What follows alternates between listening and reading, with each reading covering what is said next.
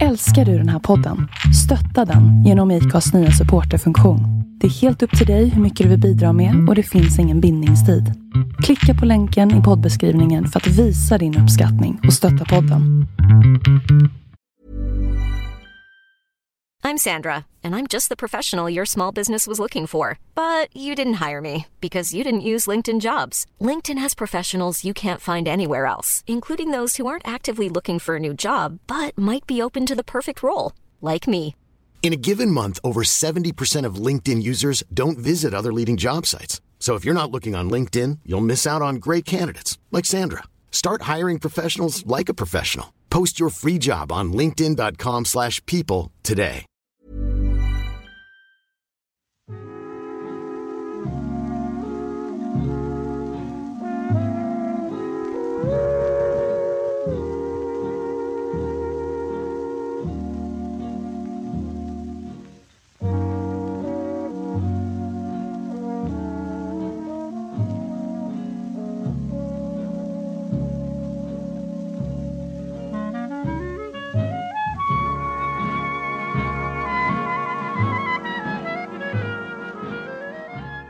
Kåge, du gillar inte att man pratar om datum, vi måste göra det idag också. Det här är typ tredje podden i rad som vi säger att vi inte ska prata om det. Ja, alltså eftersom datum... Eh, det är lite grann som mejerivaror. Om du säger att... Eh, minns du igår när Sverige vann mot Tjeck eh, och så vidare? Då blir det plötsligt datummärkt som mejerivaror. Men ibland är man tvungen, som när Kassim Soleimani dog. Vi gjorde en podd dagen efter. Då var jag ju tvungen att ta upp det. Eftersom det ändrar världshistorien. Begynnande världshistoria, eftersom det är på gång. Och du tänker på att vi har hört en predikan idag. Då är det ju en söndag. Ja, och jag tänker också att det är exakt 366 dagar sedan vi satt här. Har man hört? Precis på de här positionerna. Är du inne på att det är skottår nu eller och det blir ett dag extra då menar du? Nej, utan vi träffades på lördagen då. Och inte på söndag. Okej, Ja. okej. Och då hade vi bjudit in en speciell person som sen kom och blev så här av det, det som vi sa i den podden blev hyperviktig. Eh, under de efterföljande månaderna. Ja. Kunna- eh, Och, eh, så det känns ju nästan eh, poetiskt att vi sitter här igen. och tillsammans med Josefin Lennartsson. Får jag bara ta en liten infälld protest där. Eller en notering. Jag får ju mina fiskar varma och blir slagen på fingrarna om jag ens är i närheten av att citera någon poetisk liten tanke ur litteraturhistorien ifrån dig. Och här börjar du prata om poesi själv.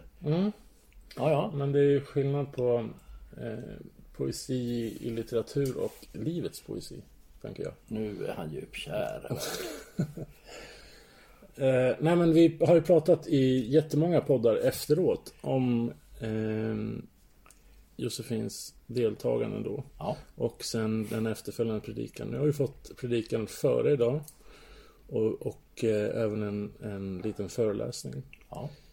Som jag skulle vilja benämna som, som handlar om bemötande egentligen. Hur man ska möta människor. Snarare än något eh, djupt bibliskt så. Men det är klart att det finns en biblisk tanke. Det finns det ju allt hon gör. Varmt välkommen Josefin. Tack ska jag ha. Eh, vad minns du från förra poddögonblicket? Eh, jag minns att vi satt vid det här runda bordet och eh, att vi pratade om eh, den eh, bygd som jag bor och verkar i. Och så pratade vi väldigt mycket om kärleksrevolutionen. Mm. Och Du har ju eh, spint vidare på det. Och det är ett helt företag nu för att vara lite vitsig. Eh, berätta om, om eh, vad som har hänt med eh, din vision sen vi träffades sist. Ja, precis. Alltså kärleksrevolutionen går ju ut på i grund och botten att leva i och av kärlek så att det blomstrar på olika sätt. Ehm, och det får ju ta sig uttryck i olika personer på olika sätt. Och för mig bland annat så har det resulterat i att jag äntligen har kommit ut med ett företag och eh, i höstas gav ut en bok Som hette? som heter Mer än en överlevare, en handbok från ödemarken. Mm. Precis, och det är bara början på, på en, eh, en verksamhet som får komplettera min tjänst i församlingarna. Eh, har det varit en process som varit lång eller eh, har det liksom varit spikrakt att du vetat hela tiden vad du ska göra? Eh, lite både och. Den har varit jättelång för att många delar av det som jag förbereder och som jag står i har jag på något sätt vetat om sedan jag var barn att jag ska göra. Så att det är ju inte så att det är bara hux flux så har jag startat en massa grejer utan det här är sånt som, har, som jag har burit på väldigt länge utan att kanske har pratat så mycket om det och där jag har lekt många av de här momenten. Alltså jag hade ett när, eget närradioprogram när jag gick tvåan på gymnasiet och eh, har bloggat sen ungefär samtidigt. Eh, varit aktiv på olika sätt och liksom lekt företag och vetat om att jag ska ha ett företag men inte riktigt kanske fullt ut liksom landat i, i en helhet eller hur det ska se ut. så. Eh, och nu så är det liksom av olika anledningar så har det varit läge och varit tid för det. Komma igång. Och boken kom ut strax innan jul. Mm. Vad, vad har den eh, omedelbara responsen varit? Eh, den omedelbara responsen ska jag säga har varit positiv. Jag, på en månad hade jag sålt över 300 böcker. Så det känns jätteroligt. Sen har jag ju ganska många fler böcker att sälja. Eh, så, så jag har ett jobb att göra. Men, eh, eh, nej, men det har varit jättepositivt och jag har fått jättefin feedback ifrån många som har läst som har blivit berörda av olika delar och som har kunnat... Alltså det är en omfattande bok där halva boken är min livsberättelse och andra halvan är en introduktion till kristen tro och praktik. Som jag liksom kallar för handbok från ödemarken för att det är så den kristna tron och praktiken har för mig varit värdefulla verktyg för att jag ska ta mig igenom det som jag som har varit och är mitt liv. Eh, så. Och där boken handlar om hur jag levt i över 20 år i en posttraumatisk stressreaktion som jag inte visste om eller förstod förrän jag var 23 år gammal och fick tag i traumat som hade orsakat den här reaktionen från början. Ehm, och sen så hur helande resan har sett ut fram tills idag kan man säga. Så, och så då blir liksom handboken blir eh, en, en, en spegling på min livsberättelse där man får lite mer teoretiskt praktiskt vad, vad som har varit till hjälp för mig. Jo, det där är ju tung ammunition. Vad sa du? 20 bast posttraumatiskt stressyndrom? Ja, ja, 20, ja, ungefär 20 år levde jag med det. Mm. Utan att veta om det? Ja. Det är sånt som folk tar livet av sig för. Ja, men det är alltså så är det. det. Och det är därför jag också kallar boken för mer än en överlevare. För man säger ja. det att människor som har varit med om...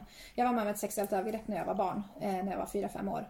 Och eh, människor som är med om, det behöver inte vara ett, ett, sexuellt övergrepp, men när man är med om något traumatiskt eh, så lär man sig att överleva. Och man blir en överlevare.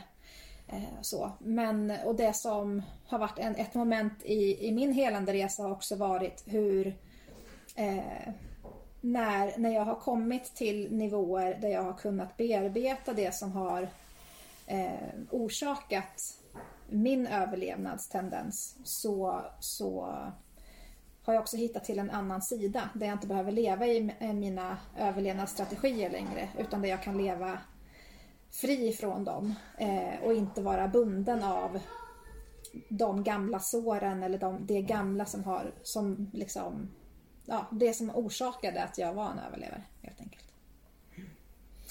Jag eh, har ju läst den här boken och eh, läst den flera gånger till och med och eh, jag tycker att det är jobbigt att läsa.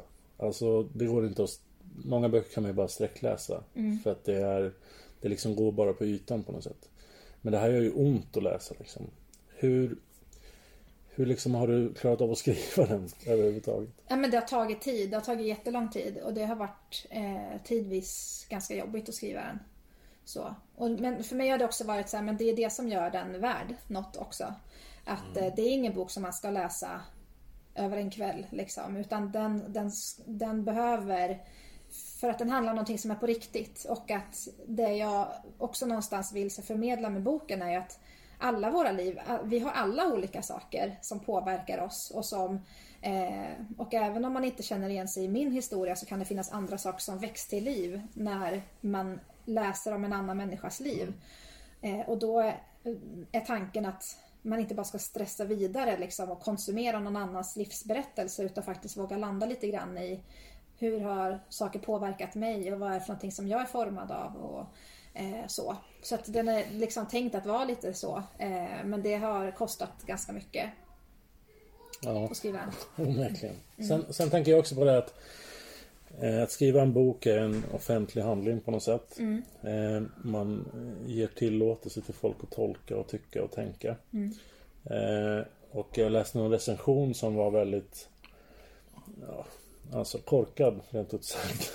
Där man inte tar ställning till vad boken handlar om utan egentligen något sorts eh, litterärt jambalaya på något sätt. Hur, hur tar, liksom, hanterar du sånt? För det är ändå något väldigt personligt som du har berättat om. Liksom. Ja, precis. Eh, nej, men alltså det, man ger sig ju ut i den leken så man får ju tåla den på ett sätt. Och samtidigt så är det klart att det känns. Liksom. Det, alltså, det kostar ju på att, eh, att stå för det men det kostar ju på att leva också. Och för mig har det varit så, det var så viktigt att få ut det här för att det här är den jag är. Och eh, andra kan inte fullt ut lära känna mig och jag kan inte fullt ut vara den jag är om man inte vet. För att vi hanterar varandra, vi möter varandra och vi utgår ifrån saker som kanske inte nödvändigtvis är sant eller som inte, som kanske till och med blir fel. För att vi så här, antar saker om varandra. Liksom. Mm. Eh, så det har varit, för mig har det varit viktigt att så här, starta det samtalet. Och i kyrkan vet jag att vi, vi är jättedåliga på att vara, bli lite intima om livet och hur livet ser ut. Eh, och vi är ganska pryda i kyrkan. Liksom. Och för mig har det också varit ett viktigt här, att faktiskt våga bryta lite på det, de tabuna och liksom eh, den tystnaden och våga sätta ord på det. Men det är klart att det kostar på. Det, eh, äh, men, alltså, det är tråkigt och sen kan man bli extra så här, när det är vissa sammanhang som man önskade hade kunnat liksom vara lite mera genomtänkta i sitt arbete. Liksom, så, för att man, jag tänker att man borde veta bättre. Liksom, mm. eh, så, så känns det lite onödigt. Liksom. Men samtidigt så är det ju så det ser ut. Men för mig var det viktigt. Jag, så här, den här veckan så var jag tvungen att lite så här, säga ifrån för att jag kände att det, här, liksom, ja, men det kändes inte helt okej. Liksom. Och då så fick jag skriva ett blogginlägg där jag någonstans satte ner foten av vad det är för någonting som jag tycker är viktigt. Liksom. Mm. Ja. Men det känns som du kunde ha den här boken eller författandet av den som eh, en nödvändig ventil. Det här måste jag ha ur mig. Är det ungefär ja. rätt uppfattat? Ja men absolut. Alltså det är Även om det är känsliga grejer? Ja, ja, verkligen. Men att det är ju någonstans, alltså när någon träffar mig för första gången så får de ju en bild av vem jag är och vad jag har varit med om i mitt liv. Eh, och det ganska många gånger så stämmer det inte alls. Och så är det ju när vi träffar vem som helst. Mm. Eh, och det har ju ofta varit till min nackdel. För att jag är framåt och jag är glad och ser trevlig ut och liksom eh, de är så här, klär mig annorlunda och så här, att det Folk tror att jag är så stark och självständig och att allt är så fantastiskt underbart. Liksom. Eh, och det är viktigt att visa att det, den sidan är ju sann, som de ser, men det är inte hela bilden. Och att det finns väldigt mycket mer. Och, och liksom också, för mig var det också så att eh, jag levde i 20 år ovetande om saker som påverkade mitt och andras liv jättemycket. För att min, mina sår i mitt liv blev ju till sår hos andra för hur jag reagerade på saker. Och så för mig är det också viktigt att faktiskt våga lyfta på locket och prata om de här sakerna för att vi lever Eh, alla med olika saker. Och när vi gömmer oss ifrån dem, när vi inte ens vågar möta vårt eget mörker och de skuggor som finns i våra liv eh, så är risken stor att vi faktiskt orsakar andra människor skada. Så, så att av den anledningen så, så eh, har det, varit, det har varit viktigt på flera olika nivåer. Liksom. Men någonstans pratar du ändå om attityder. I alla fall när du kommer mm. prata om kyrkan. Liksom. Att, eh, Eh, det är väldigt mycket tunnelscener, väldigt mycket tradition och sådär. Vad har du för tips för den som vill bryta igenom det där på något sätt? Var dig själv och skit i andra. Nej men alltså det är jättelätt att säga alla möjliga klyschor liksom. Men det är skitsvårt att vara sig själv. Och det är jättejobbigt i kyrkan många gånger för att vi har sån otroligt eh, starka normer och det är smalt liksom på många sätt. Och vi är jätterädda för jättemycket saker. Eh, och det är, och det tänker jag så här, alltså i kyrkan, vi säger så att, att man ska vara sig själv, att man älskar som den man är, fast vi praktiserar inte det särskilt mycket många gånger, utan vi är alla hämmade av olika rädslor och regler som någon annan har gett oss vid något tillfälle någon gång. Eh, och som vi låter bli viktigare än, än eh, liksom, vad vi kanske själva behöver eller eh, ja, tror på många gånger. Jag tror du är inne på en eh, kvinnlig filtrering av tillvaron till viss del. Det är inget fel, är långt ifrån. Ja. Men om min fru säger jag älskar dig för den du är så är det så ointressant som någonting kan bli. Tolka mig rätt nu här. Eh, men om hon säger att hon älskar mig för det jag gör. Då är det så manligt det kan bli. Alltså det vi levererar, vi män. Eh, inte för den vi är. Man vet ju själv vilken luspudel man är. Eh, som man naturligtvis inte vill bli torgföra sådär. Men jag, jag tror att det är kvinnligt och manligt för det, för det jag gör. Och extrovert. Ja men absolut att det finns ett, ett här, att det ligger i det, i det maskulina att göra saker. Ja. Men det är också det som vi, att, som vi saluför och som vi har omsatt till kristen tro och tradition. Så handlar det om prestationer av Yes. olika slag. Om handlingar, att jag ska göra saker. Men ganska mycket av evangeliet och det Jesus kom med är raka motsatsen som säger kom och var. Eh, välkommen in i gemenskapen och eh, liksom eh, vad den du är. Eh, och jag tror att vi saknar en balans i kyrkan av där, där många män, även om de kanske har lättare att kanske falla in, fast det är också väldigt generaliserande, men att man kanske har lättare att falla in i prestationsfacket. Så det hindrar ju alla ifrån att göra ett sant möte med, med Jesus och med, liksom, med hela gudomen eh, som kan frigöra oss också ännu mycket mer. Eh, så att vi liksom Absolut att det finns manligt och kvinnligt i det men, men det är ett, ett eh, överskridande problem som vi behöver hantera. Hur eh, orolig är du för eh, de kyrkor som du besöker? Liksom den, eh, människorna som finns i de här kyrkorna. Är, är vi på väg att dö ut helt och hållet eller finns det någon, någon form av räddning för oss? Alltså jag är inte orolig för att jag är ganska övertygad om att mycket kommer att rasa. Men att det som ska rasa, ska rasa av rätt anledningar. Eh, och det är ingenting som vi människor kan göra någonting åt utan det kommer göra det för att det är tid för det. Eh, och det eh, finns bara massa gott att hämta ur det. För att det kommer liv och eh, upprättelse och uppvaknande i de där rasen. Så att jag är inte så orolig egentligen. Jag tänker att det är något positivt. Däremot så kan ju oron snarare vara i om vi misslyckas med att ta emot insikt i det som händer. Liksom. Och att våga, våga omvända oss, våga släppa våra egna eh, vägar och det som kanske har blivit till avgudar faktiskt i våra liv. Eh, som det inte är tänkt att det ska vara. Vad menar du? Bilfälgar, husvagn? Nej men jag tänker så här, alltså mycket i, i liksom kyrklig kultur och som vi... Alltså idag har jag predikat om att vara missionär i Sverige idag. Och det är ju bara så här, det är ju ett jätte, en jättekonstig rubrik för en människa som inte går i kyrkan. För vad betyder det och vad är, vad är missionär? Det är bara läskigt liksom.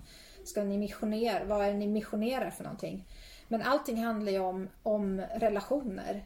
Och ganska mycket kan jag se som kyrka idag så kan vi många gånger strunta i relationerna till förmån för några stora vidlyftiga visioner som vi har, som vi vill. Så vi kan låta människors liv nästan ibland inte betyda någonting i förmån för våran fina vision om att bygga våran stora, fina, pampiga kyrka som ska sjunga vissa sånger. Eh, och så är det skitsamma vilka människor som trampas på vägen. Medan jag tänker snarare att, alltså, och det är inte Guds rikes liksom, vägen. Det är inte det som Jesus kommer med utan Jesus kommer snarare att säga att det är människan som är i fokus. Och all vision som vi ska ha som, som ett Guds folk är att låta människor få växa och blomma. Eh, och att det är det som är visionen, är människorna. Liksom. Eh, och det, så där tror jag att vi har ett jätte... Alltså, där har vi en resa att göra som kristenhet. Det du säger påminner rätt mycket om det Jesus säger i Matteus 23 när han går till rätta med skriftlärda och fariseer och tar i. Alltså det är fråga om verbal avrättning av det byggda, etablerade, du vet allt det där. Ja. Ehm, Det påminner en hel del om det. Det du säger. Vad fint! Vilken fin komplimang ändå. Ja, du går i rätt fotspår så kan jag säga. Det är utan tvekan så. Men alltså det, det som försvinner eller rasar eller vad du kallar det. Tänker du på sånt som då har varit viktigt att icke göra? Att hålla högt att man inte gör. Smink, bio, tuggummi, fiol. Alltså, alltså inte är meningslöst från 50-talet eller så. Eh, det har väl ändå försvunnit? Ja, absolut. Men, men de där syndakatalogerna tar ju bara sig nya uttryck. Liksom. Alltså, det finns ju alla möjliga osynliga regelverk som man ska sätta sig in i som kristen. Liksom. Alla möjliga rädslor som vi för över på varandra av olika slag. Eh, jättemycket hederskultur. Så, så att jag tänker att det är liksom eh, vi har alltid, alltså varje generation, varje människa, varje individ har en frigörelse att göra och en erövring av vad Jesu liksom, handling, Jesu liv innebär i våra liv. Liksom. Ehm, och det har vi knappt sett början av i Sverige. I den här generationen och i den här tiden. Till poddlyssnarna måste jag bara säga att Josefin avslutade sin predikan då med ett sånt här eh, en generalklausul eller någon patentmedicin. Det låter dumt, men det är inte alls så dumt som det låter. Fem minuter Jesus om dagen och det kommer att ändra våra liv från vårt nuvarande läge. Eh, utveckla det, jag vet inte om jag citerade dig rätt här. Nej, men jag sa det att, att om vi alla skulle utöka eh, våran tid med Jesus, med livets ljus eller liksom sanningen, vad vi nu vill kalla det. Men om vi skulle, om vi skulle utöka våran tid fem minuter varje dag och låta det få, få påverka oss och våra liv. Så skulle det absolut göra att vi, vi själva är förvandlade om ett år och gemenskapen är förvandlad om ett år. För det I går inte... Det positiv går in, riktning. I positiv riktning. För det går inte att vara att stagnera och, och krympa ihop och liksom eh, ja, paja som människa liksom, om man lägger den tiden med Jesus utan det är snarare tvärtom. Och det går inte att ha som utväg att nu ska vi ha en ny entré här eller vi ska byta tak eller eh, baksidan av- av kyrkan ska vi utöka med 50%. Alltså så att det är manligt du vet. Ja, Eh, precis. Då, det är, det är ju så manligt det kan bli, till och med själva byggandet är ju manligt. Men det håller en stund men inte längre. Nej, alltså det finns ju, ja, så här, det är inget fel i att förändra kyrkans lokaler för att de måste ju förändras i takt med vilka människor och behov som man har i den tiden vi lever i och de människorna som finns. Så att det är inget fel i det. Men vi kan inte, vi kan inte tro att vi ska bygga oss till en väckelse. Nej. Utan det, det kan, då blir det snarare så att det är ett opium som, un, som håller oss ifrån. Och det är därför jag tänker så att alltså, absolut att man kan säga att det är så maskulint. Liksom. Men det är också lätt att gömma sig bakom det och säga att ah, men det här ligger så nära mig att det, liksom, det hör till den jag är. Eh, fast, fast vi har båda maskulint och feminint i oss och vi behöver en balans i det. Eh, och liksom Jesus säger ju till, eh, nu blandar jag alltihop, men jag tror vi pratade om Marta Maria förra gången också. Eh, säger till, till eh, Maria att hon har valt den rätta platsen vid Jesu fötter. Eh, och det säger ändå någonting. Marta stod ute i köket och jobbade och var bitter på Maria som, som liksom latade sig vid Jesu fötter. Men Jesus värderade deras insatser olika. Med det sagt inte att det är fel att arbeta liksom, eller och, och vara praktisk, men vi behöver balansen där. Och jag tror att vi är i ett läge där vi faktiskt behöver återerövra vilan vid Jesu fötter. Jag tänker att många av de disputer som uppstår i en församling handlar om rent praktiska saker. Ska vi, hur mycket salmer ska vi ha? Hur mycket lovsång ska vi ha?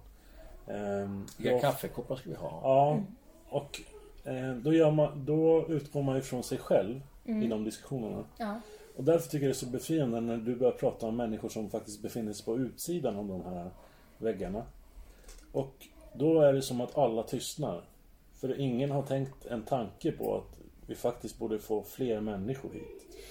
Nej men alltså det, fast det är ju så här, det är en sån klassisk fälla och den är ju tidlös. Den har ju funnits alltid liksom. Att så fort kyrkan, så fort människan eh, slutar ha ett utåtriktat perspektiv så är det någonting annat som tar vid. Som inte blir sunt till slut. Alltså det kan vara jätteviktigt med, alltså jag tycker att det är jätteviktigt med eh, inredning och estetik och liksom sådana saker. Men det kan växa och bli för stort. Om jag inte eh, om det är det som är livet. Liksom. För det kan lätt bli livet. Men om livet får vara relationer med människor så kommer man ganska snabbt att ändra prioriteringsordning på saker. Eh, I mötet med andra människor så är det ganska många saker som, som eh, blir oviktiga. Jag tänker att vi har gjort om vår entré här nu för en massa miljoner. Vi har byggt om vårt kök för eh, inte riktigt lika mycket. Men säg att vi har lagt fem miljoner på, på det här. Borde det inte rimligt att begära att vi lägger lika mycket pengar då på att hitta nya eller att sprida evangeliet eller, eller liksom göra en utåtriktad verksamhet? Absolut. Hur motiverar man det? Ja, men, alltså, ja, och det, men och det är det som är det, det jobbiga. För att eh, den typen av, av satsningar är ju inte lika lätta att få ett resultat på. Och vi vill ju se resultat, vi vill se lönsamhet. För det är så, vi är inne i det tänket. Och det tänket är ju liksom, det är ju ett världsligt tänk. Det är ett kapitalistiskt sätt att se på. Och det är ju inte det vi som kyrka är kallade till. Men vi är ju inne i det tänket också. Det vi söker, det ska vara lönsamt och det ska ge något form av resultat. Men det är Gud som kommer med växten. Och jag är inte kallad att, alltså, Jesus säger att vi ska vara människofiskare, men vad betyder det egentligen? Alltså bygga relationer med människor. Det kan ju ta sig 30 år innan man är så pass nära vän att man bjuder över varandra på fika hemma hos varandra. Så här, ja, vad är det för resultat? Så här, vad är det för lönsamhet i de 30 åren? Ja, men Gud kanske inte räknar på det sättet och vi som kristna kanske inte ska hålla på och tänka så. På, alltså, för då blir det också så att allt jag gör blir med en agenda. Och då blir det inte genuint och äkta. Liksom. Det är ingen människa som vill bli vän med någon som har en agenda. Liksom. Nej, jag tänker att vi pratar hela tiden om att det handlar inte om prestation, det handlar om relation. Ja. Och sen får det ändå inte kosta någonting. Nej. Eller man får inte investera någonting i det. Utan det ska bara ske, alltså Folk ska av sig själv få en väldig lust att komma till kyrkan. Mm. Det låter ju Jo. jätteknäppt liksom. Men din eh, 30-åriga eh, fika eh, erfarenhet här, alltså efter 30 år så bjuder man in på fika. Det, det är inte så tokigt som det låter, även om man tycker att det låter ute länge kan man ju sådär i förbigående, oj då, vilken tid det tog innan man bjöd in henne på fika. Det finns bibelforskare som noggrant och säkert helt rätt har undersökt hur gammal Paulus var när han började sin gärning. Den unge Paulus, eller den unge Saulus står de i Apostlagärningarnas första halva. Och sen försvinner han, fast bara i praktiken och sen kommer han tillbaka nästa vers. Han är 42 år när han börjar, enligt en del teologer. Med viss rätt kan man nog tro det. Då har det gått alltså rätt lång tid som han bara sitter och maler och bearbetar allt han kan. Allt han kan utan till, allt han har lärt sig. Allt han, som den skriftlärde han är.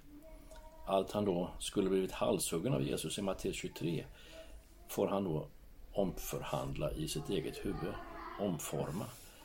Och sen blir han en spjutspets som ändrar världshistorien. För att vara med att ändra världshistorien naturligtvis. På sitt sätt. Och det tar tid. Och Gud i himlen har väl all tid i världen. Eh, även 30 år alltså innan man bjuder in till på fika. Det gör inte så mycket. Det, man behöver inte känna sig stressad av det skälet. Nej, alltså Gud har ju ingen stress. Alltså Gud har ju inte bråttom att, liksom, med människor. Även om det såklart är så att, att liksom, ju tidigare en människa kommer liksom, får en relation med Gud, desto tidigare har ju den människan möjlighet att få allt det goda som livet med Gud har. Men, men det finns ju liksom inte... Gud har ju inte bråttom. Liksom. Det är vi människor som har bråttom. Oh ja. Och det är inte så, Gud är inte stressad över situationen eller tycker att det är obehagligt liksom, med, med den verklighet vi lever i. Det är vi som tycker det. Det är vi som flyr ifrån det. Gud finns ju i verkligheten hela tiden och vi, när inte vi möter vår egen verklighet så möter vi inte Gud heller. Det med att vila i saker får en helt annan innebörd när man eh, pratar i de här termerna. Om att saker och ting tar tid och sådär. Sen blev de typ 900 år eller någonting sånt där.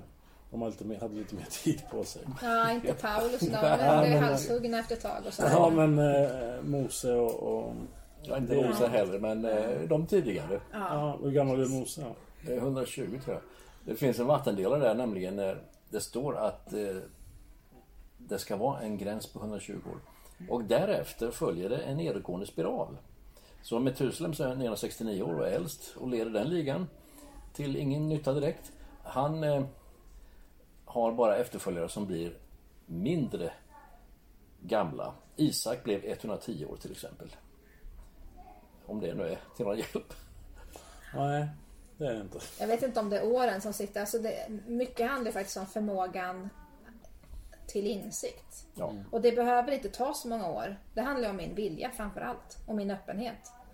Vissa insikter kan ta tio år för att man är så stolt. Liksom. Eh, och andra Ja, saker ja. kan gå på några minuter.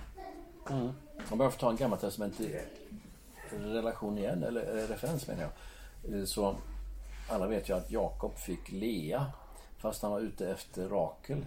Och eh, han tjänade sju år för dessa två eh, döttrar, sammanlagt 14. Plus sex år utöver det. Sen lämnar han Laban, sin relativt otrevliga svärfar. Eh, och blir dessutom upphunnen av honom vid Gileads berg. Och det är en massa krångel där innan de förenas och samsas. Och då är han färdig att gå tillbaka och vara en del av Guds plan med mänskligheten. Det vill säga från hans son Juda kommer till slut Jesus. Jag bara påpeka att alla vet inte det. Du sa att eh, alla vet ju att det är det som är grejen att vi, vi pratar Ja, nu vet du. Jo, jo, men att vi pratar ju... När man lyssnar på en gudstjänst Ja. så, så utgår inte det från att det kan, kan finnas någon ny Nej, men det, du har rätt. Du har rätt. Eh, du har utan tvekan rätt. Sen den där stackars eh, Rakel som, som då är mycket vacker.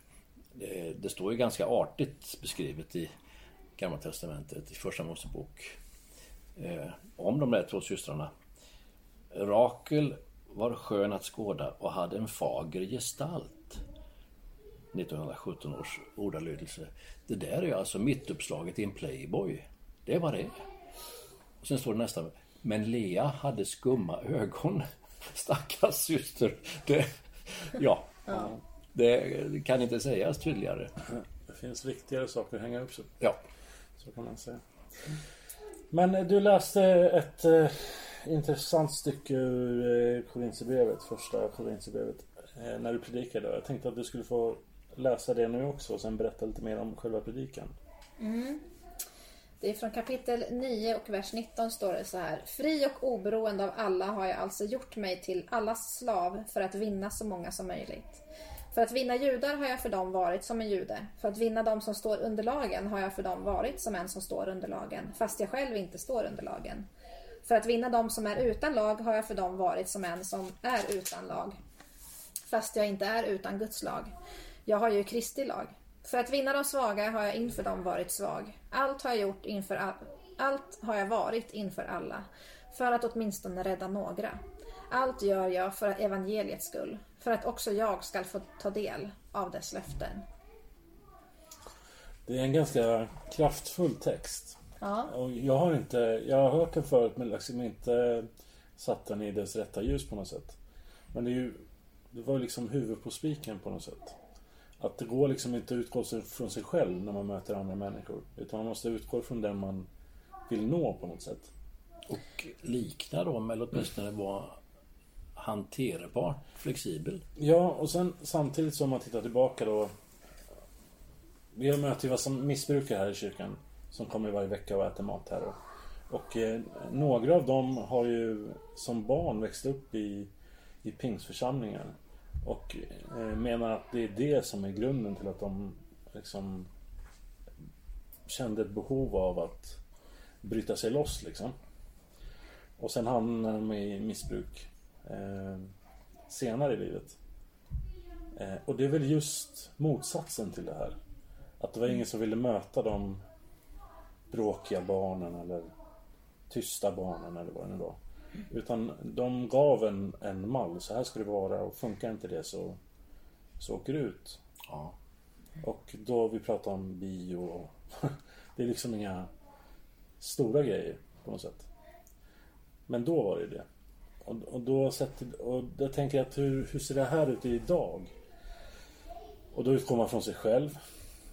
På tisdagen kommer massvis av missbrukare. Jag sätter mig inte och, och utgår ifrån deras... De, det de är liksom. Och det är ju... Jag skämdes lite grann när jag lyssnade på, på det du sa idag. För att det är så enkelt på något sätt. Hur tänker du kring?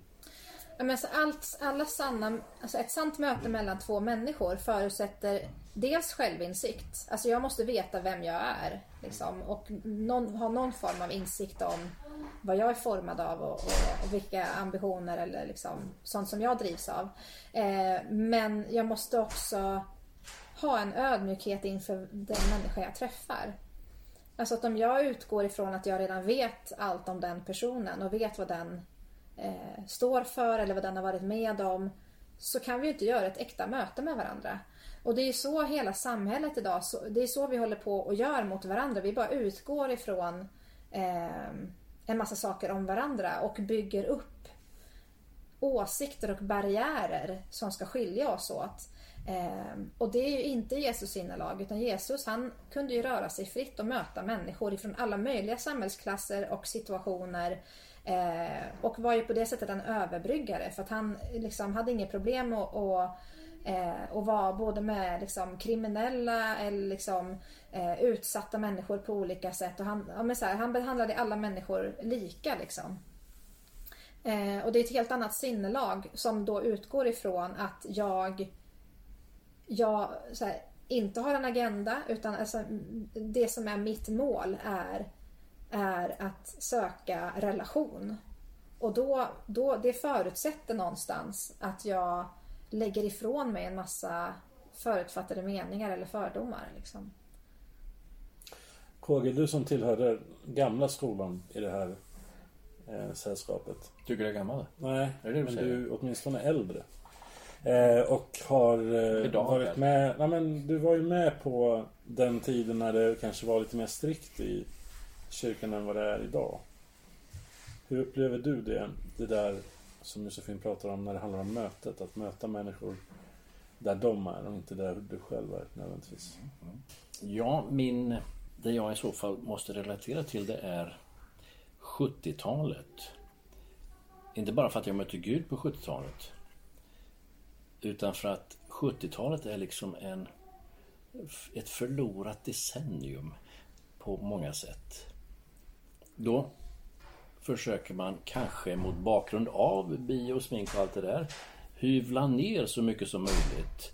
Spä ut så mycket som möjligt. Demonstrera mot amerikansk imperialism så mycket som möjligt. Det finns effekter under det decenniet som leder till ingenting utom till att Guds hus och bönhus på landet avfolkas och försvinner och alltså självdör ja, i ålder, av ålder och, och så vidare. Eh, väckelsen uteblir. Det är ju ganska goda föresatser att man vill inte ha höga trösklar. Man vill inte att folk ska känna motstånd eller tveksamhet inför Guds hus, Guds folk, Guds församling. Eh, för att återkomma till din fråga som jag nästan har glömt bort så är det väldigt mycket bättre syre att andas nu, tycker jag nog, när det ramlar ner missbrukare och utlänningar och diverse löst folk i knät på oss just i detta hus där vi sitter som kan tas om hand. Eh, Och då är det en bra kombination här av icke utspädd, utspätt evangelium och en öppen famn. Det vill säga mat, det vill säga någon som lyssnar, det vill säga någon som inte säger oj vad du luktar sprit, nu går vi ut här.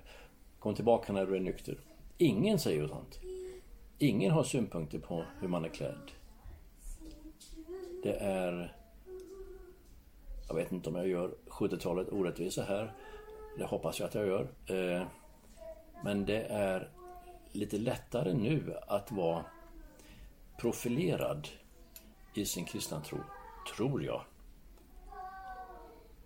Var det något svar som, som du kan? Jag tror att det, alltså, jag tror absolut att det är så att det finns en skillnad idag.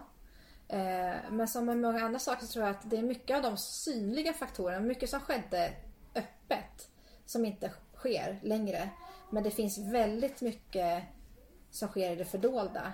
Eh, av subtila kommentarer, av härskartekniker eller, eller hur vi ser på varandra. Alltså, så här, ja, men då alla de här människorna som kommer hit. Ser jag dem som syskon och jämlikar som jag också kan lära mig någonting av, som jag kan ha glädje av? Eller är det bara en, en adept som jag ska hjälpa så att jag någonstans själv känner att jag är lite duktig och fin som har hjälpt den här människan som är så utslagen? Eh, där tror jag att vi har jättemycket. Och sen är det så här, skulle vi fråga någon som har en avvikande läggning eller som eh, är lite annorlunda i kyrkan så skulle vi nog fortfarande höra att det är svårt. Eller att man, inte, Ja. att man inte får vara den man är eller sedd för den man är. Utan där är det fortfarande ganska hårt och stängt.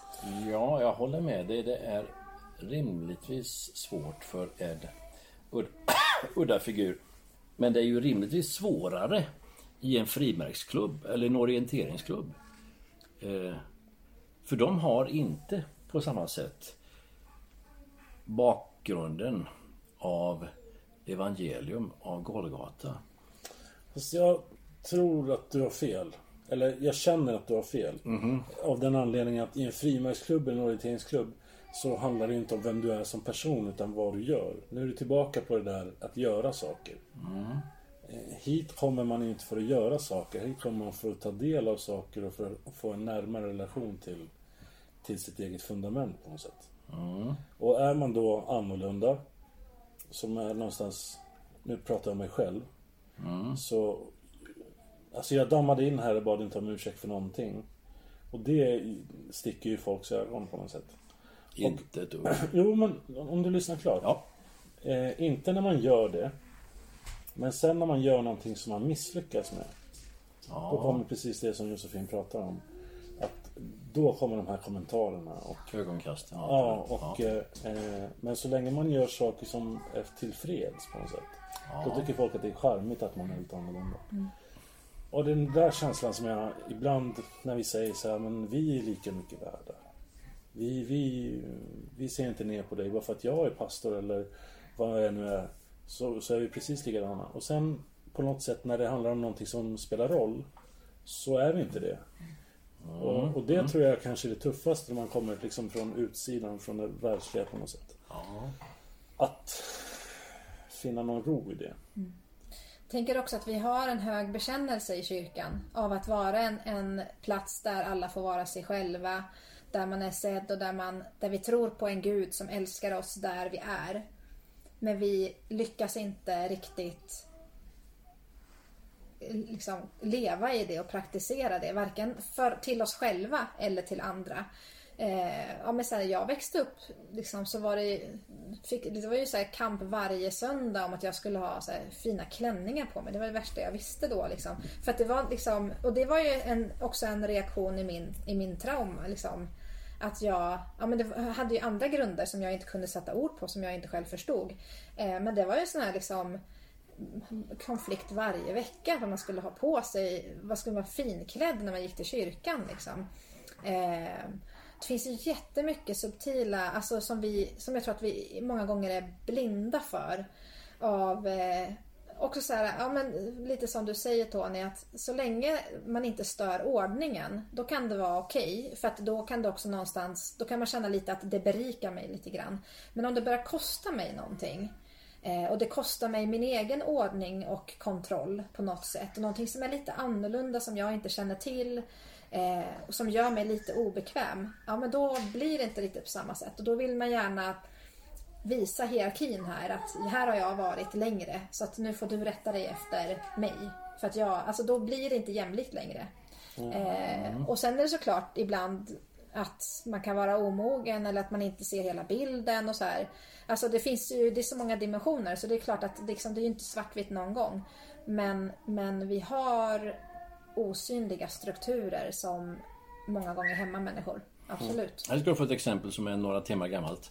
Eh, under slutet av din predikan idag så är det något barn som Eh, protesterar och gråter lite grann och är ganska högljudd längst ner i kyrkan. Och pappa eller mamma försöker ordna det där. Eh, ingenting händer mer än att man hör det där och man hör ju din predikan och det stör inte jättemycket. Men det stör något och jag är säker på att någon stackare som satt i närheten var mycket irriterad över att... Och sådär va. Eh, det är ju ett exempel på att så där gör man inte. Eller gå ut med ungen, tänker någon. Eh, men då är det ju av kanske hänsyn eller sådär. Ja. Av goda skäl alltså som man försöker återställa ordningen. Absolut. Och samtidigt så, så alltså det, det är så många dimensioner i det där. För att det sitter föräldrar som tycker att det är jättejobbigt att deras barn och då barnet blir utsatt på flera sätt också. Liksom, eh, och har kanske andra saker, bakomliggande faktorer som gör att barnet har reagerat som den har gjort. Eh, det är så många olika dimensioner där och där vi så, så lätt då tycker att det är bara att göra så här. Eh, men vi förstår inte kanske alltid utsattheten. Liksom. Och där tänker jag så att, ja, men, eh, alltså att vi har olika mycket kapital att bjuda på. Eh, och en person som är uppvuxen i kyrkan och som eh, till det mesta har haft ett ganska tryggt och stabilt liv kanske får ge lite, alltså betala lite mer av obekvämhet Ja, för att någon klart. annan som inte har de resurserna ska kunna känna sig älskad och sedd och att få plats där den personen är just nu. Sen har inte allt plats överallt och så. Så det är ju liksom Samtidigt som jag, jag tycker att det är så härligt med er församling för att det är så rörigt. Det är så här, alltså, bara det att det sitter folk på första raderna. Så här, det är, jag vet det inte någon annan alltså. kyrka Ja. som har det så. Det är helt otroligt. Alla, alla bänkar tror jag i er kyrka har någon. Det, jag, har inte sett, jag såg inte en enda tom bänk. Liksom, det är jättehärligt. Ehm, och att liksom att, att alla, det känns som att det är många som faktiskt känner frihet att få vara sig själv. Sen tror jag absolut att det finns de som inte känner den friheten också. Men samma sak där, så att jag har också ibland känt i vissa sammanhang att jag inte får vara mig själv. Men ibland har ju det varit inre mekanismer i mig som har gjort att jag inte har upplevt att jag kan vara mig själv. Eh, och att jag tolkar andra människors beteenden utifrån mina egna såriga erfarenheter som gör att jag tror att jag inte får vara mig själv. Alltså det är så många bottnar eh, på sånt här. Och det är ingenting som man kan, så här, det är inget fem minuters jobb utan man, det är ju livet. Man får lära känna varandra och liksom lära känna sig själv och spegla sig i Jesus. Nu ska jag bara ha en liten eh, beskrivning här av Josefin, hur hon är när hon är sig själv. Då kommer hon hit efter ett år och har lika intressanta örhängen, lika fina ringar på varje, varje finger och mycket estetiskt ihopsatt alltihopa. Och intressant eh, kombination av hårfärg. Ja. Eh, Det där, eh, du nämnde att du var estetiskt intresserad och det syns. Det är mycket vackert ihop. Tack. Jag lärde mig nyligen att du har jobbat på Erikshjälpen. Ja. Och för mig så kändes det som att en polett föll ner liksom, när jag fick reda på det. För du är ju verkligen Erikshjälpen personifierad på något sätt. Jaha, berätta mer. Ja, vad intressant eh, beskrivning. Nej men hon har alltid annorlunda kläder. Alltså varje gång jag ser någon bild eller eh, när du var här senast och sådär. Så är det ju inte direkt hm katalogen det går runt i. Eh, Ja men det är mycket vackert. Jo, Definitivt. Mycket välkomponerat. Och eh, eh, ibland så får man läsa om Tre från Noam idag. Ja. Och dåligt, Faktiskt. dåligt exempel. Men eh, eh, ibland så berättar du om eh, olika klipp som du har gjort eh, när du har varit och handlat kläder. Typ eh, skor och, och tröjor. Häromdagen skrev du om någonting som under 500 kronor var det nu var. Ja, men jag var på loppisrunda igår. Ja, Precis. Nej men alltså jag har ju alltid... Eh,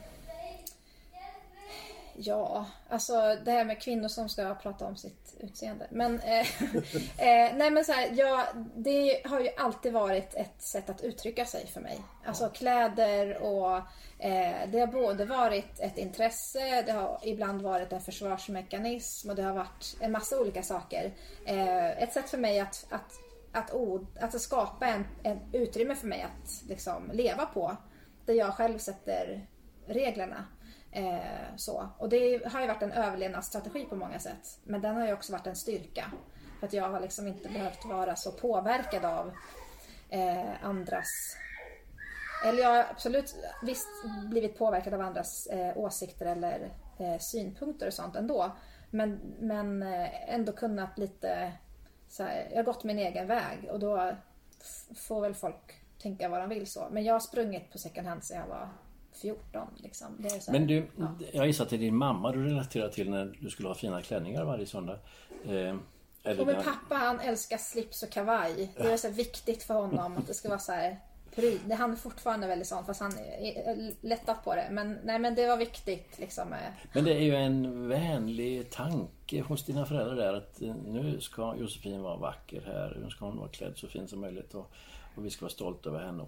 Det är ju något som förmodligen de bara ville. Ja absolut, fast det är ju också en del av den kulturen är ju någon form av så här objektifiering av kvinnan och så här, kvinnan ska vara vacker och så här, att se på. Det ska vara så här, vi ska, vi ska beskriva kvinnans kropp och så här, att det är det som är intressant. Så här. Så Jesus betedde sig ju inte så i mötet med med eh, människor oavsett kön. Liksom. Men, men i vårt samhälle så, så är det så här, mannen ska göra någonting och kvinnan ska se ut. Och det är det som värderas. Liksom.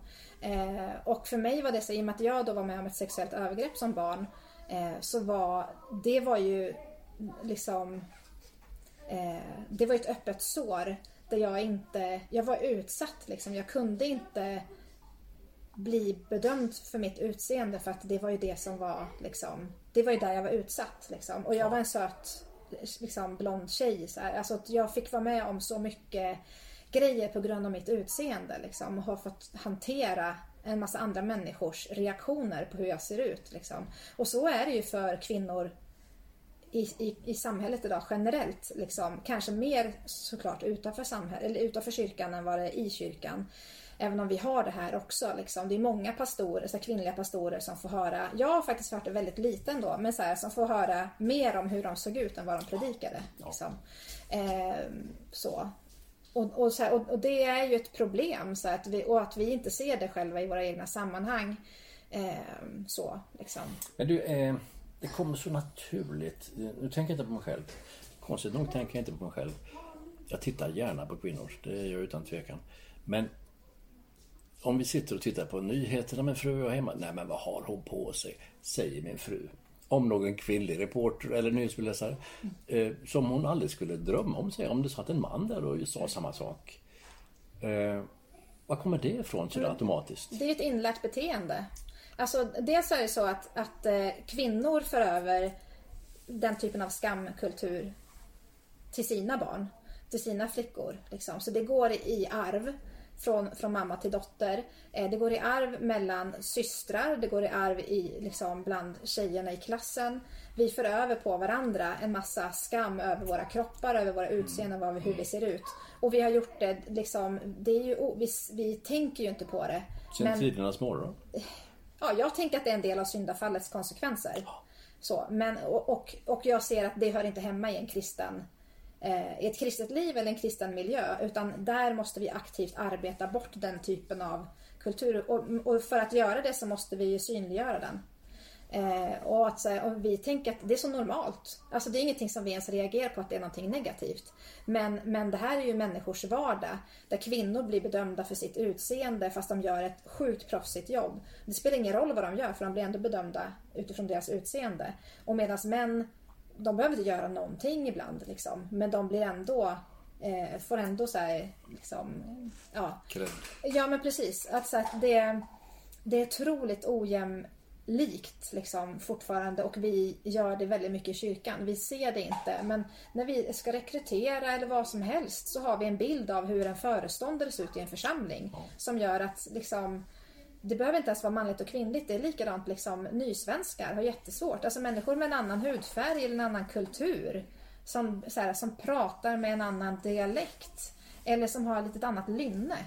Det Är inte säkert att den personen alls liksom får ens en möjlighet. För att vi har svårt att föreställa oss den. Och det är för att vi har de glasögonen på oss. Det är vår norm. Och vi, har, vi reflekterar inte över det som att det är en norm som vi faktiskt kan göra någonting åt. Utan vi tror att det bara är så här. Men det är ju, ja. Jag sitter här och njuter lite grann. För att eh, jag har ju fyra döttrar. Eh, och de är ju precis... Eller vi har det precis tvärtom hemma. Att de är väldigt måna om så här att kan jag, innan vi ska gå till kyrkan så, så kommer de tre, fyra gånger. Kan jag ha det här? Och jag säger jag bryr mig inte. Och eh, du Du skulle precis... säga ja lilla Nej vän, vad men vacker du de, är. de, de, jag tycker att de ska, och det är samma sak när de går till skolan också, men ha vad du vill. Det ska liksom inte vara en parameter på något sätt. Eh, och de tycker jag är superkonstigt liksom. Man kan ju inte gå hur som helst. Och jag har gått i mjukisbrallor hit och jag tycker att eh, bekvämlighet går före eh, någon sorts vad andra ska tycka och tänka om en. Eh, det gör ju att man inte får så många vänner kanske. Men, men eh, jag tycker att eh, alltså vi måste av, avpolitera hela den grejen. Jo, men här får man inte vara om man inte... Det är inte är något stort fel de säger om de frågar Pappa är det här fint? Eh, inför att de bara ska gå till skolan. Eh, det är inte något stort fel om de säger Oh Josefin, du har fina örhängen. Eller, eller så. Och jag är rätt säker på att kvinnor, nu talar jag om halva jordens befolkning här, en stor generalisering, blir hyggligt glada över uppmärksamheten eller snarare av bekräftandet. Vad tror du? Alltså det tänker jag så, det är väl mänskligt. Det tror Ja. jag män blir också. Alltså liksom och vi har olika områden men, men där tror jag också så här, men vi har ju skapat en kultur där kvinnor ska stå för, för utseendet och då såklart kan man, så är det ju en in, ett inlärt beteende att också uppskatta upp, eller bli uppskattad och ta, kunna ta emot uppskattning på det. Medan man kanske har mycket svårare att ta emot uppskattning på någonting man har gjort som kvinna då. Men det är också för att det är ett inlärt beteende. Eh, och sen, och det är så här, tänk att om vi återgår så här, tänk att det kanske inte var paradisets tanke från början.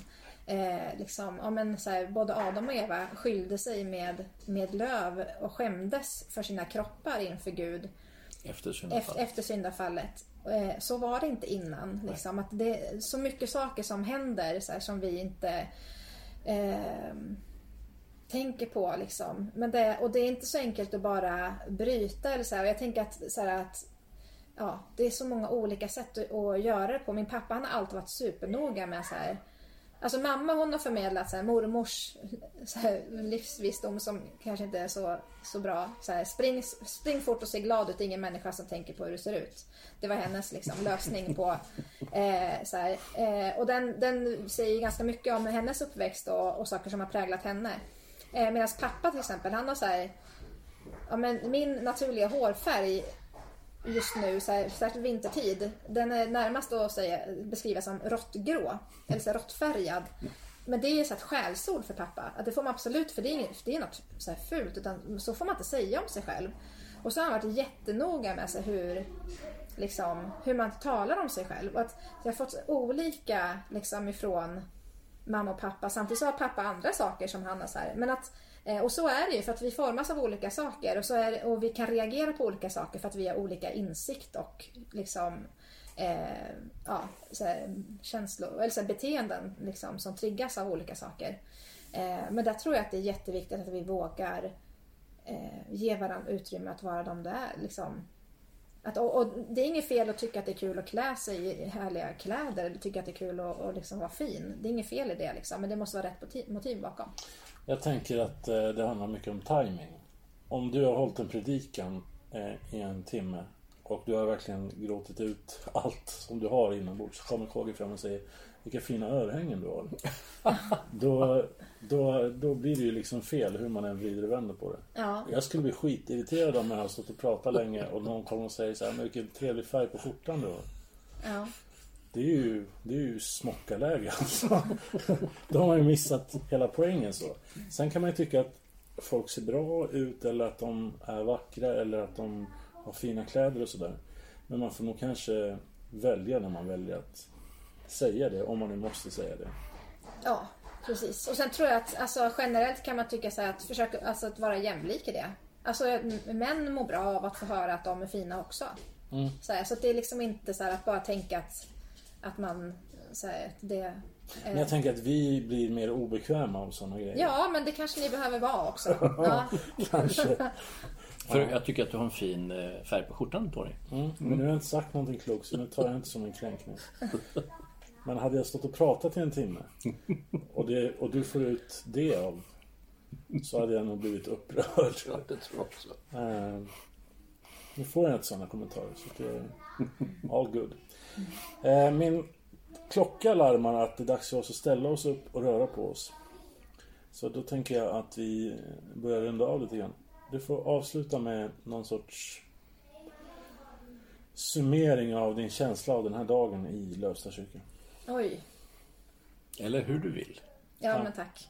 Nej, men jag tänker att jag kan avsluta med de tre punkterna som jag har tagit idag på, på förmiddagen. ehm, som utgår lite grann från den här texten som jag läste förut om att våga gå till mötes. Och där tror jag att det är lika mycket riktat till oss själva som till andra. Att våga eh, möta, möt, eh, så här, gå till mötes, eh, våga vara lite ödmjuk i det mötet och inte ha så mycket bestämda uppfattningar om saker. Andra punkten, att all sann förändring måste utgå ifrån en verklig förståelse för den människa eller det sammanhang som man vill förändra. Det går inte att ändra och det är samma sak med mig själv. Att om jag vill förändra någonting hos mig själv så måste jag först förstå vem jag är och vad som formar mig. Och slutligen så är det den här universallösningen på allt. Att spendera mer tid med Jesus. Att det är där allting börjar. Det finns ingen annan mirakelmedicin än att faktiskt tanka kärlek, hopp och tro ifrån den källan som har det som en outsinlig eh, ja, källa. Helt enkelt. Ja, jättebra summering. Vi ses väl om ett år då.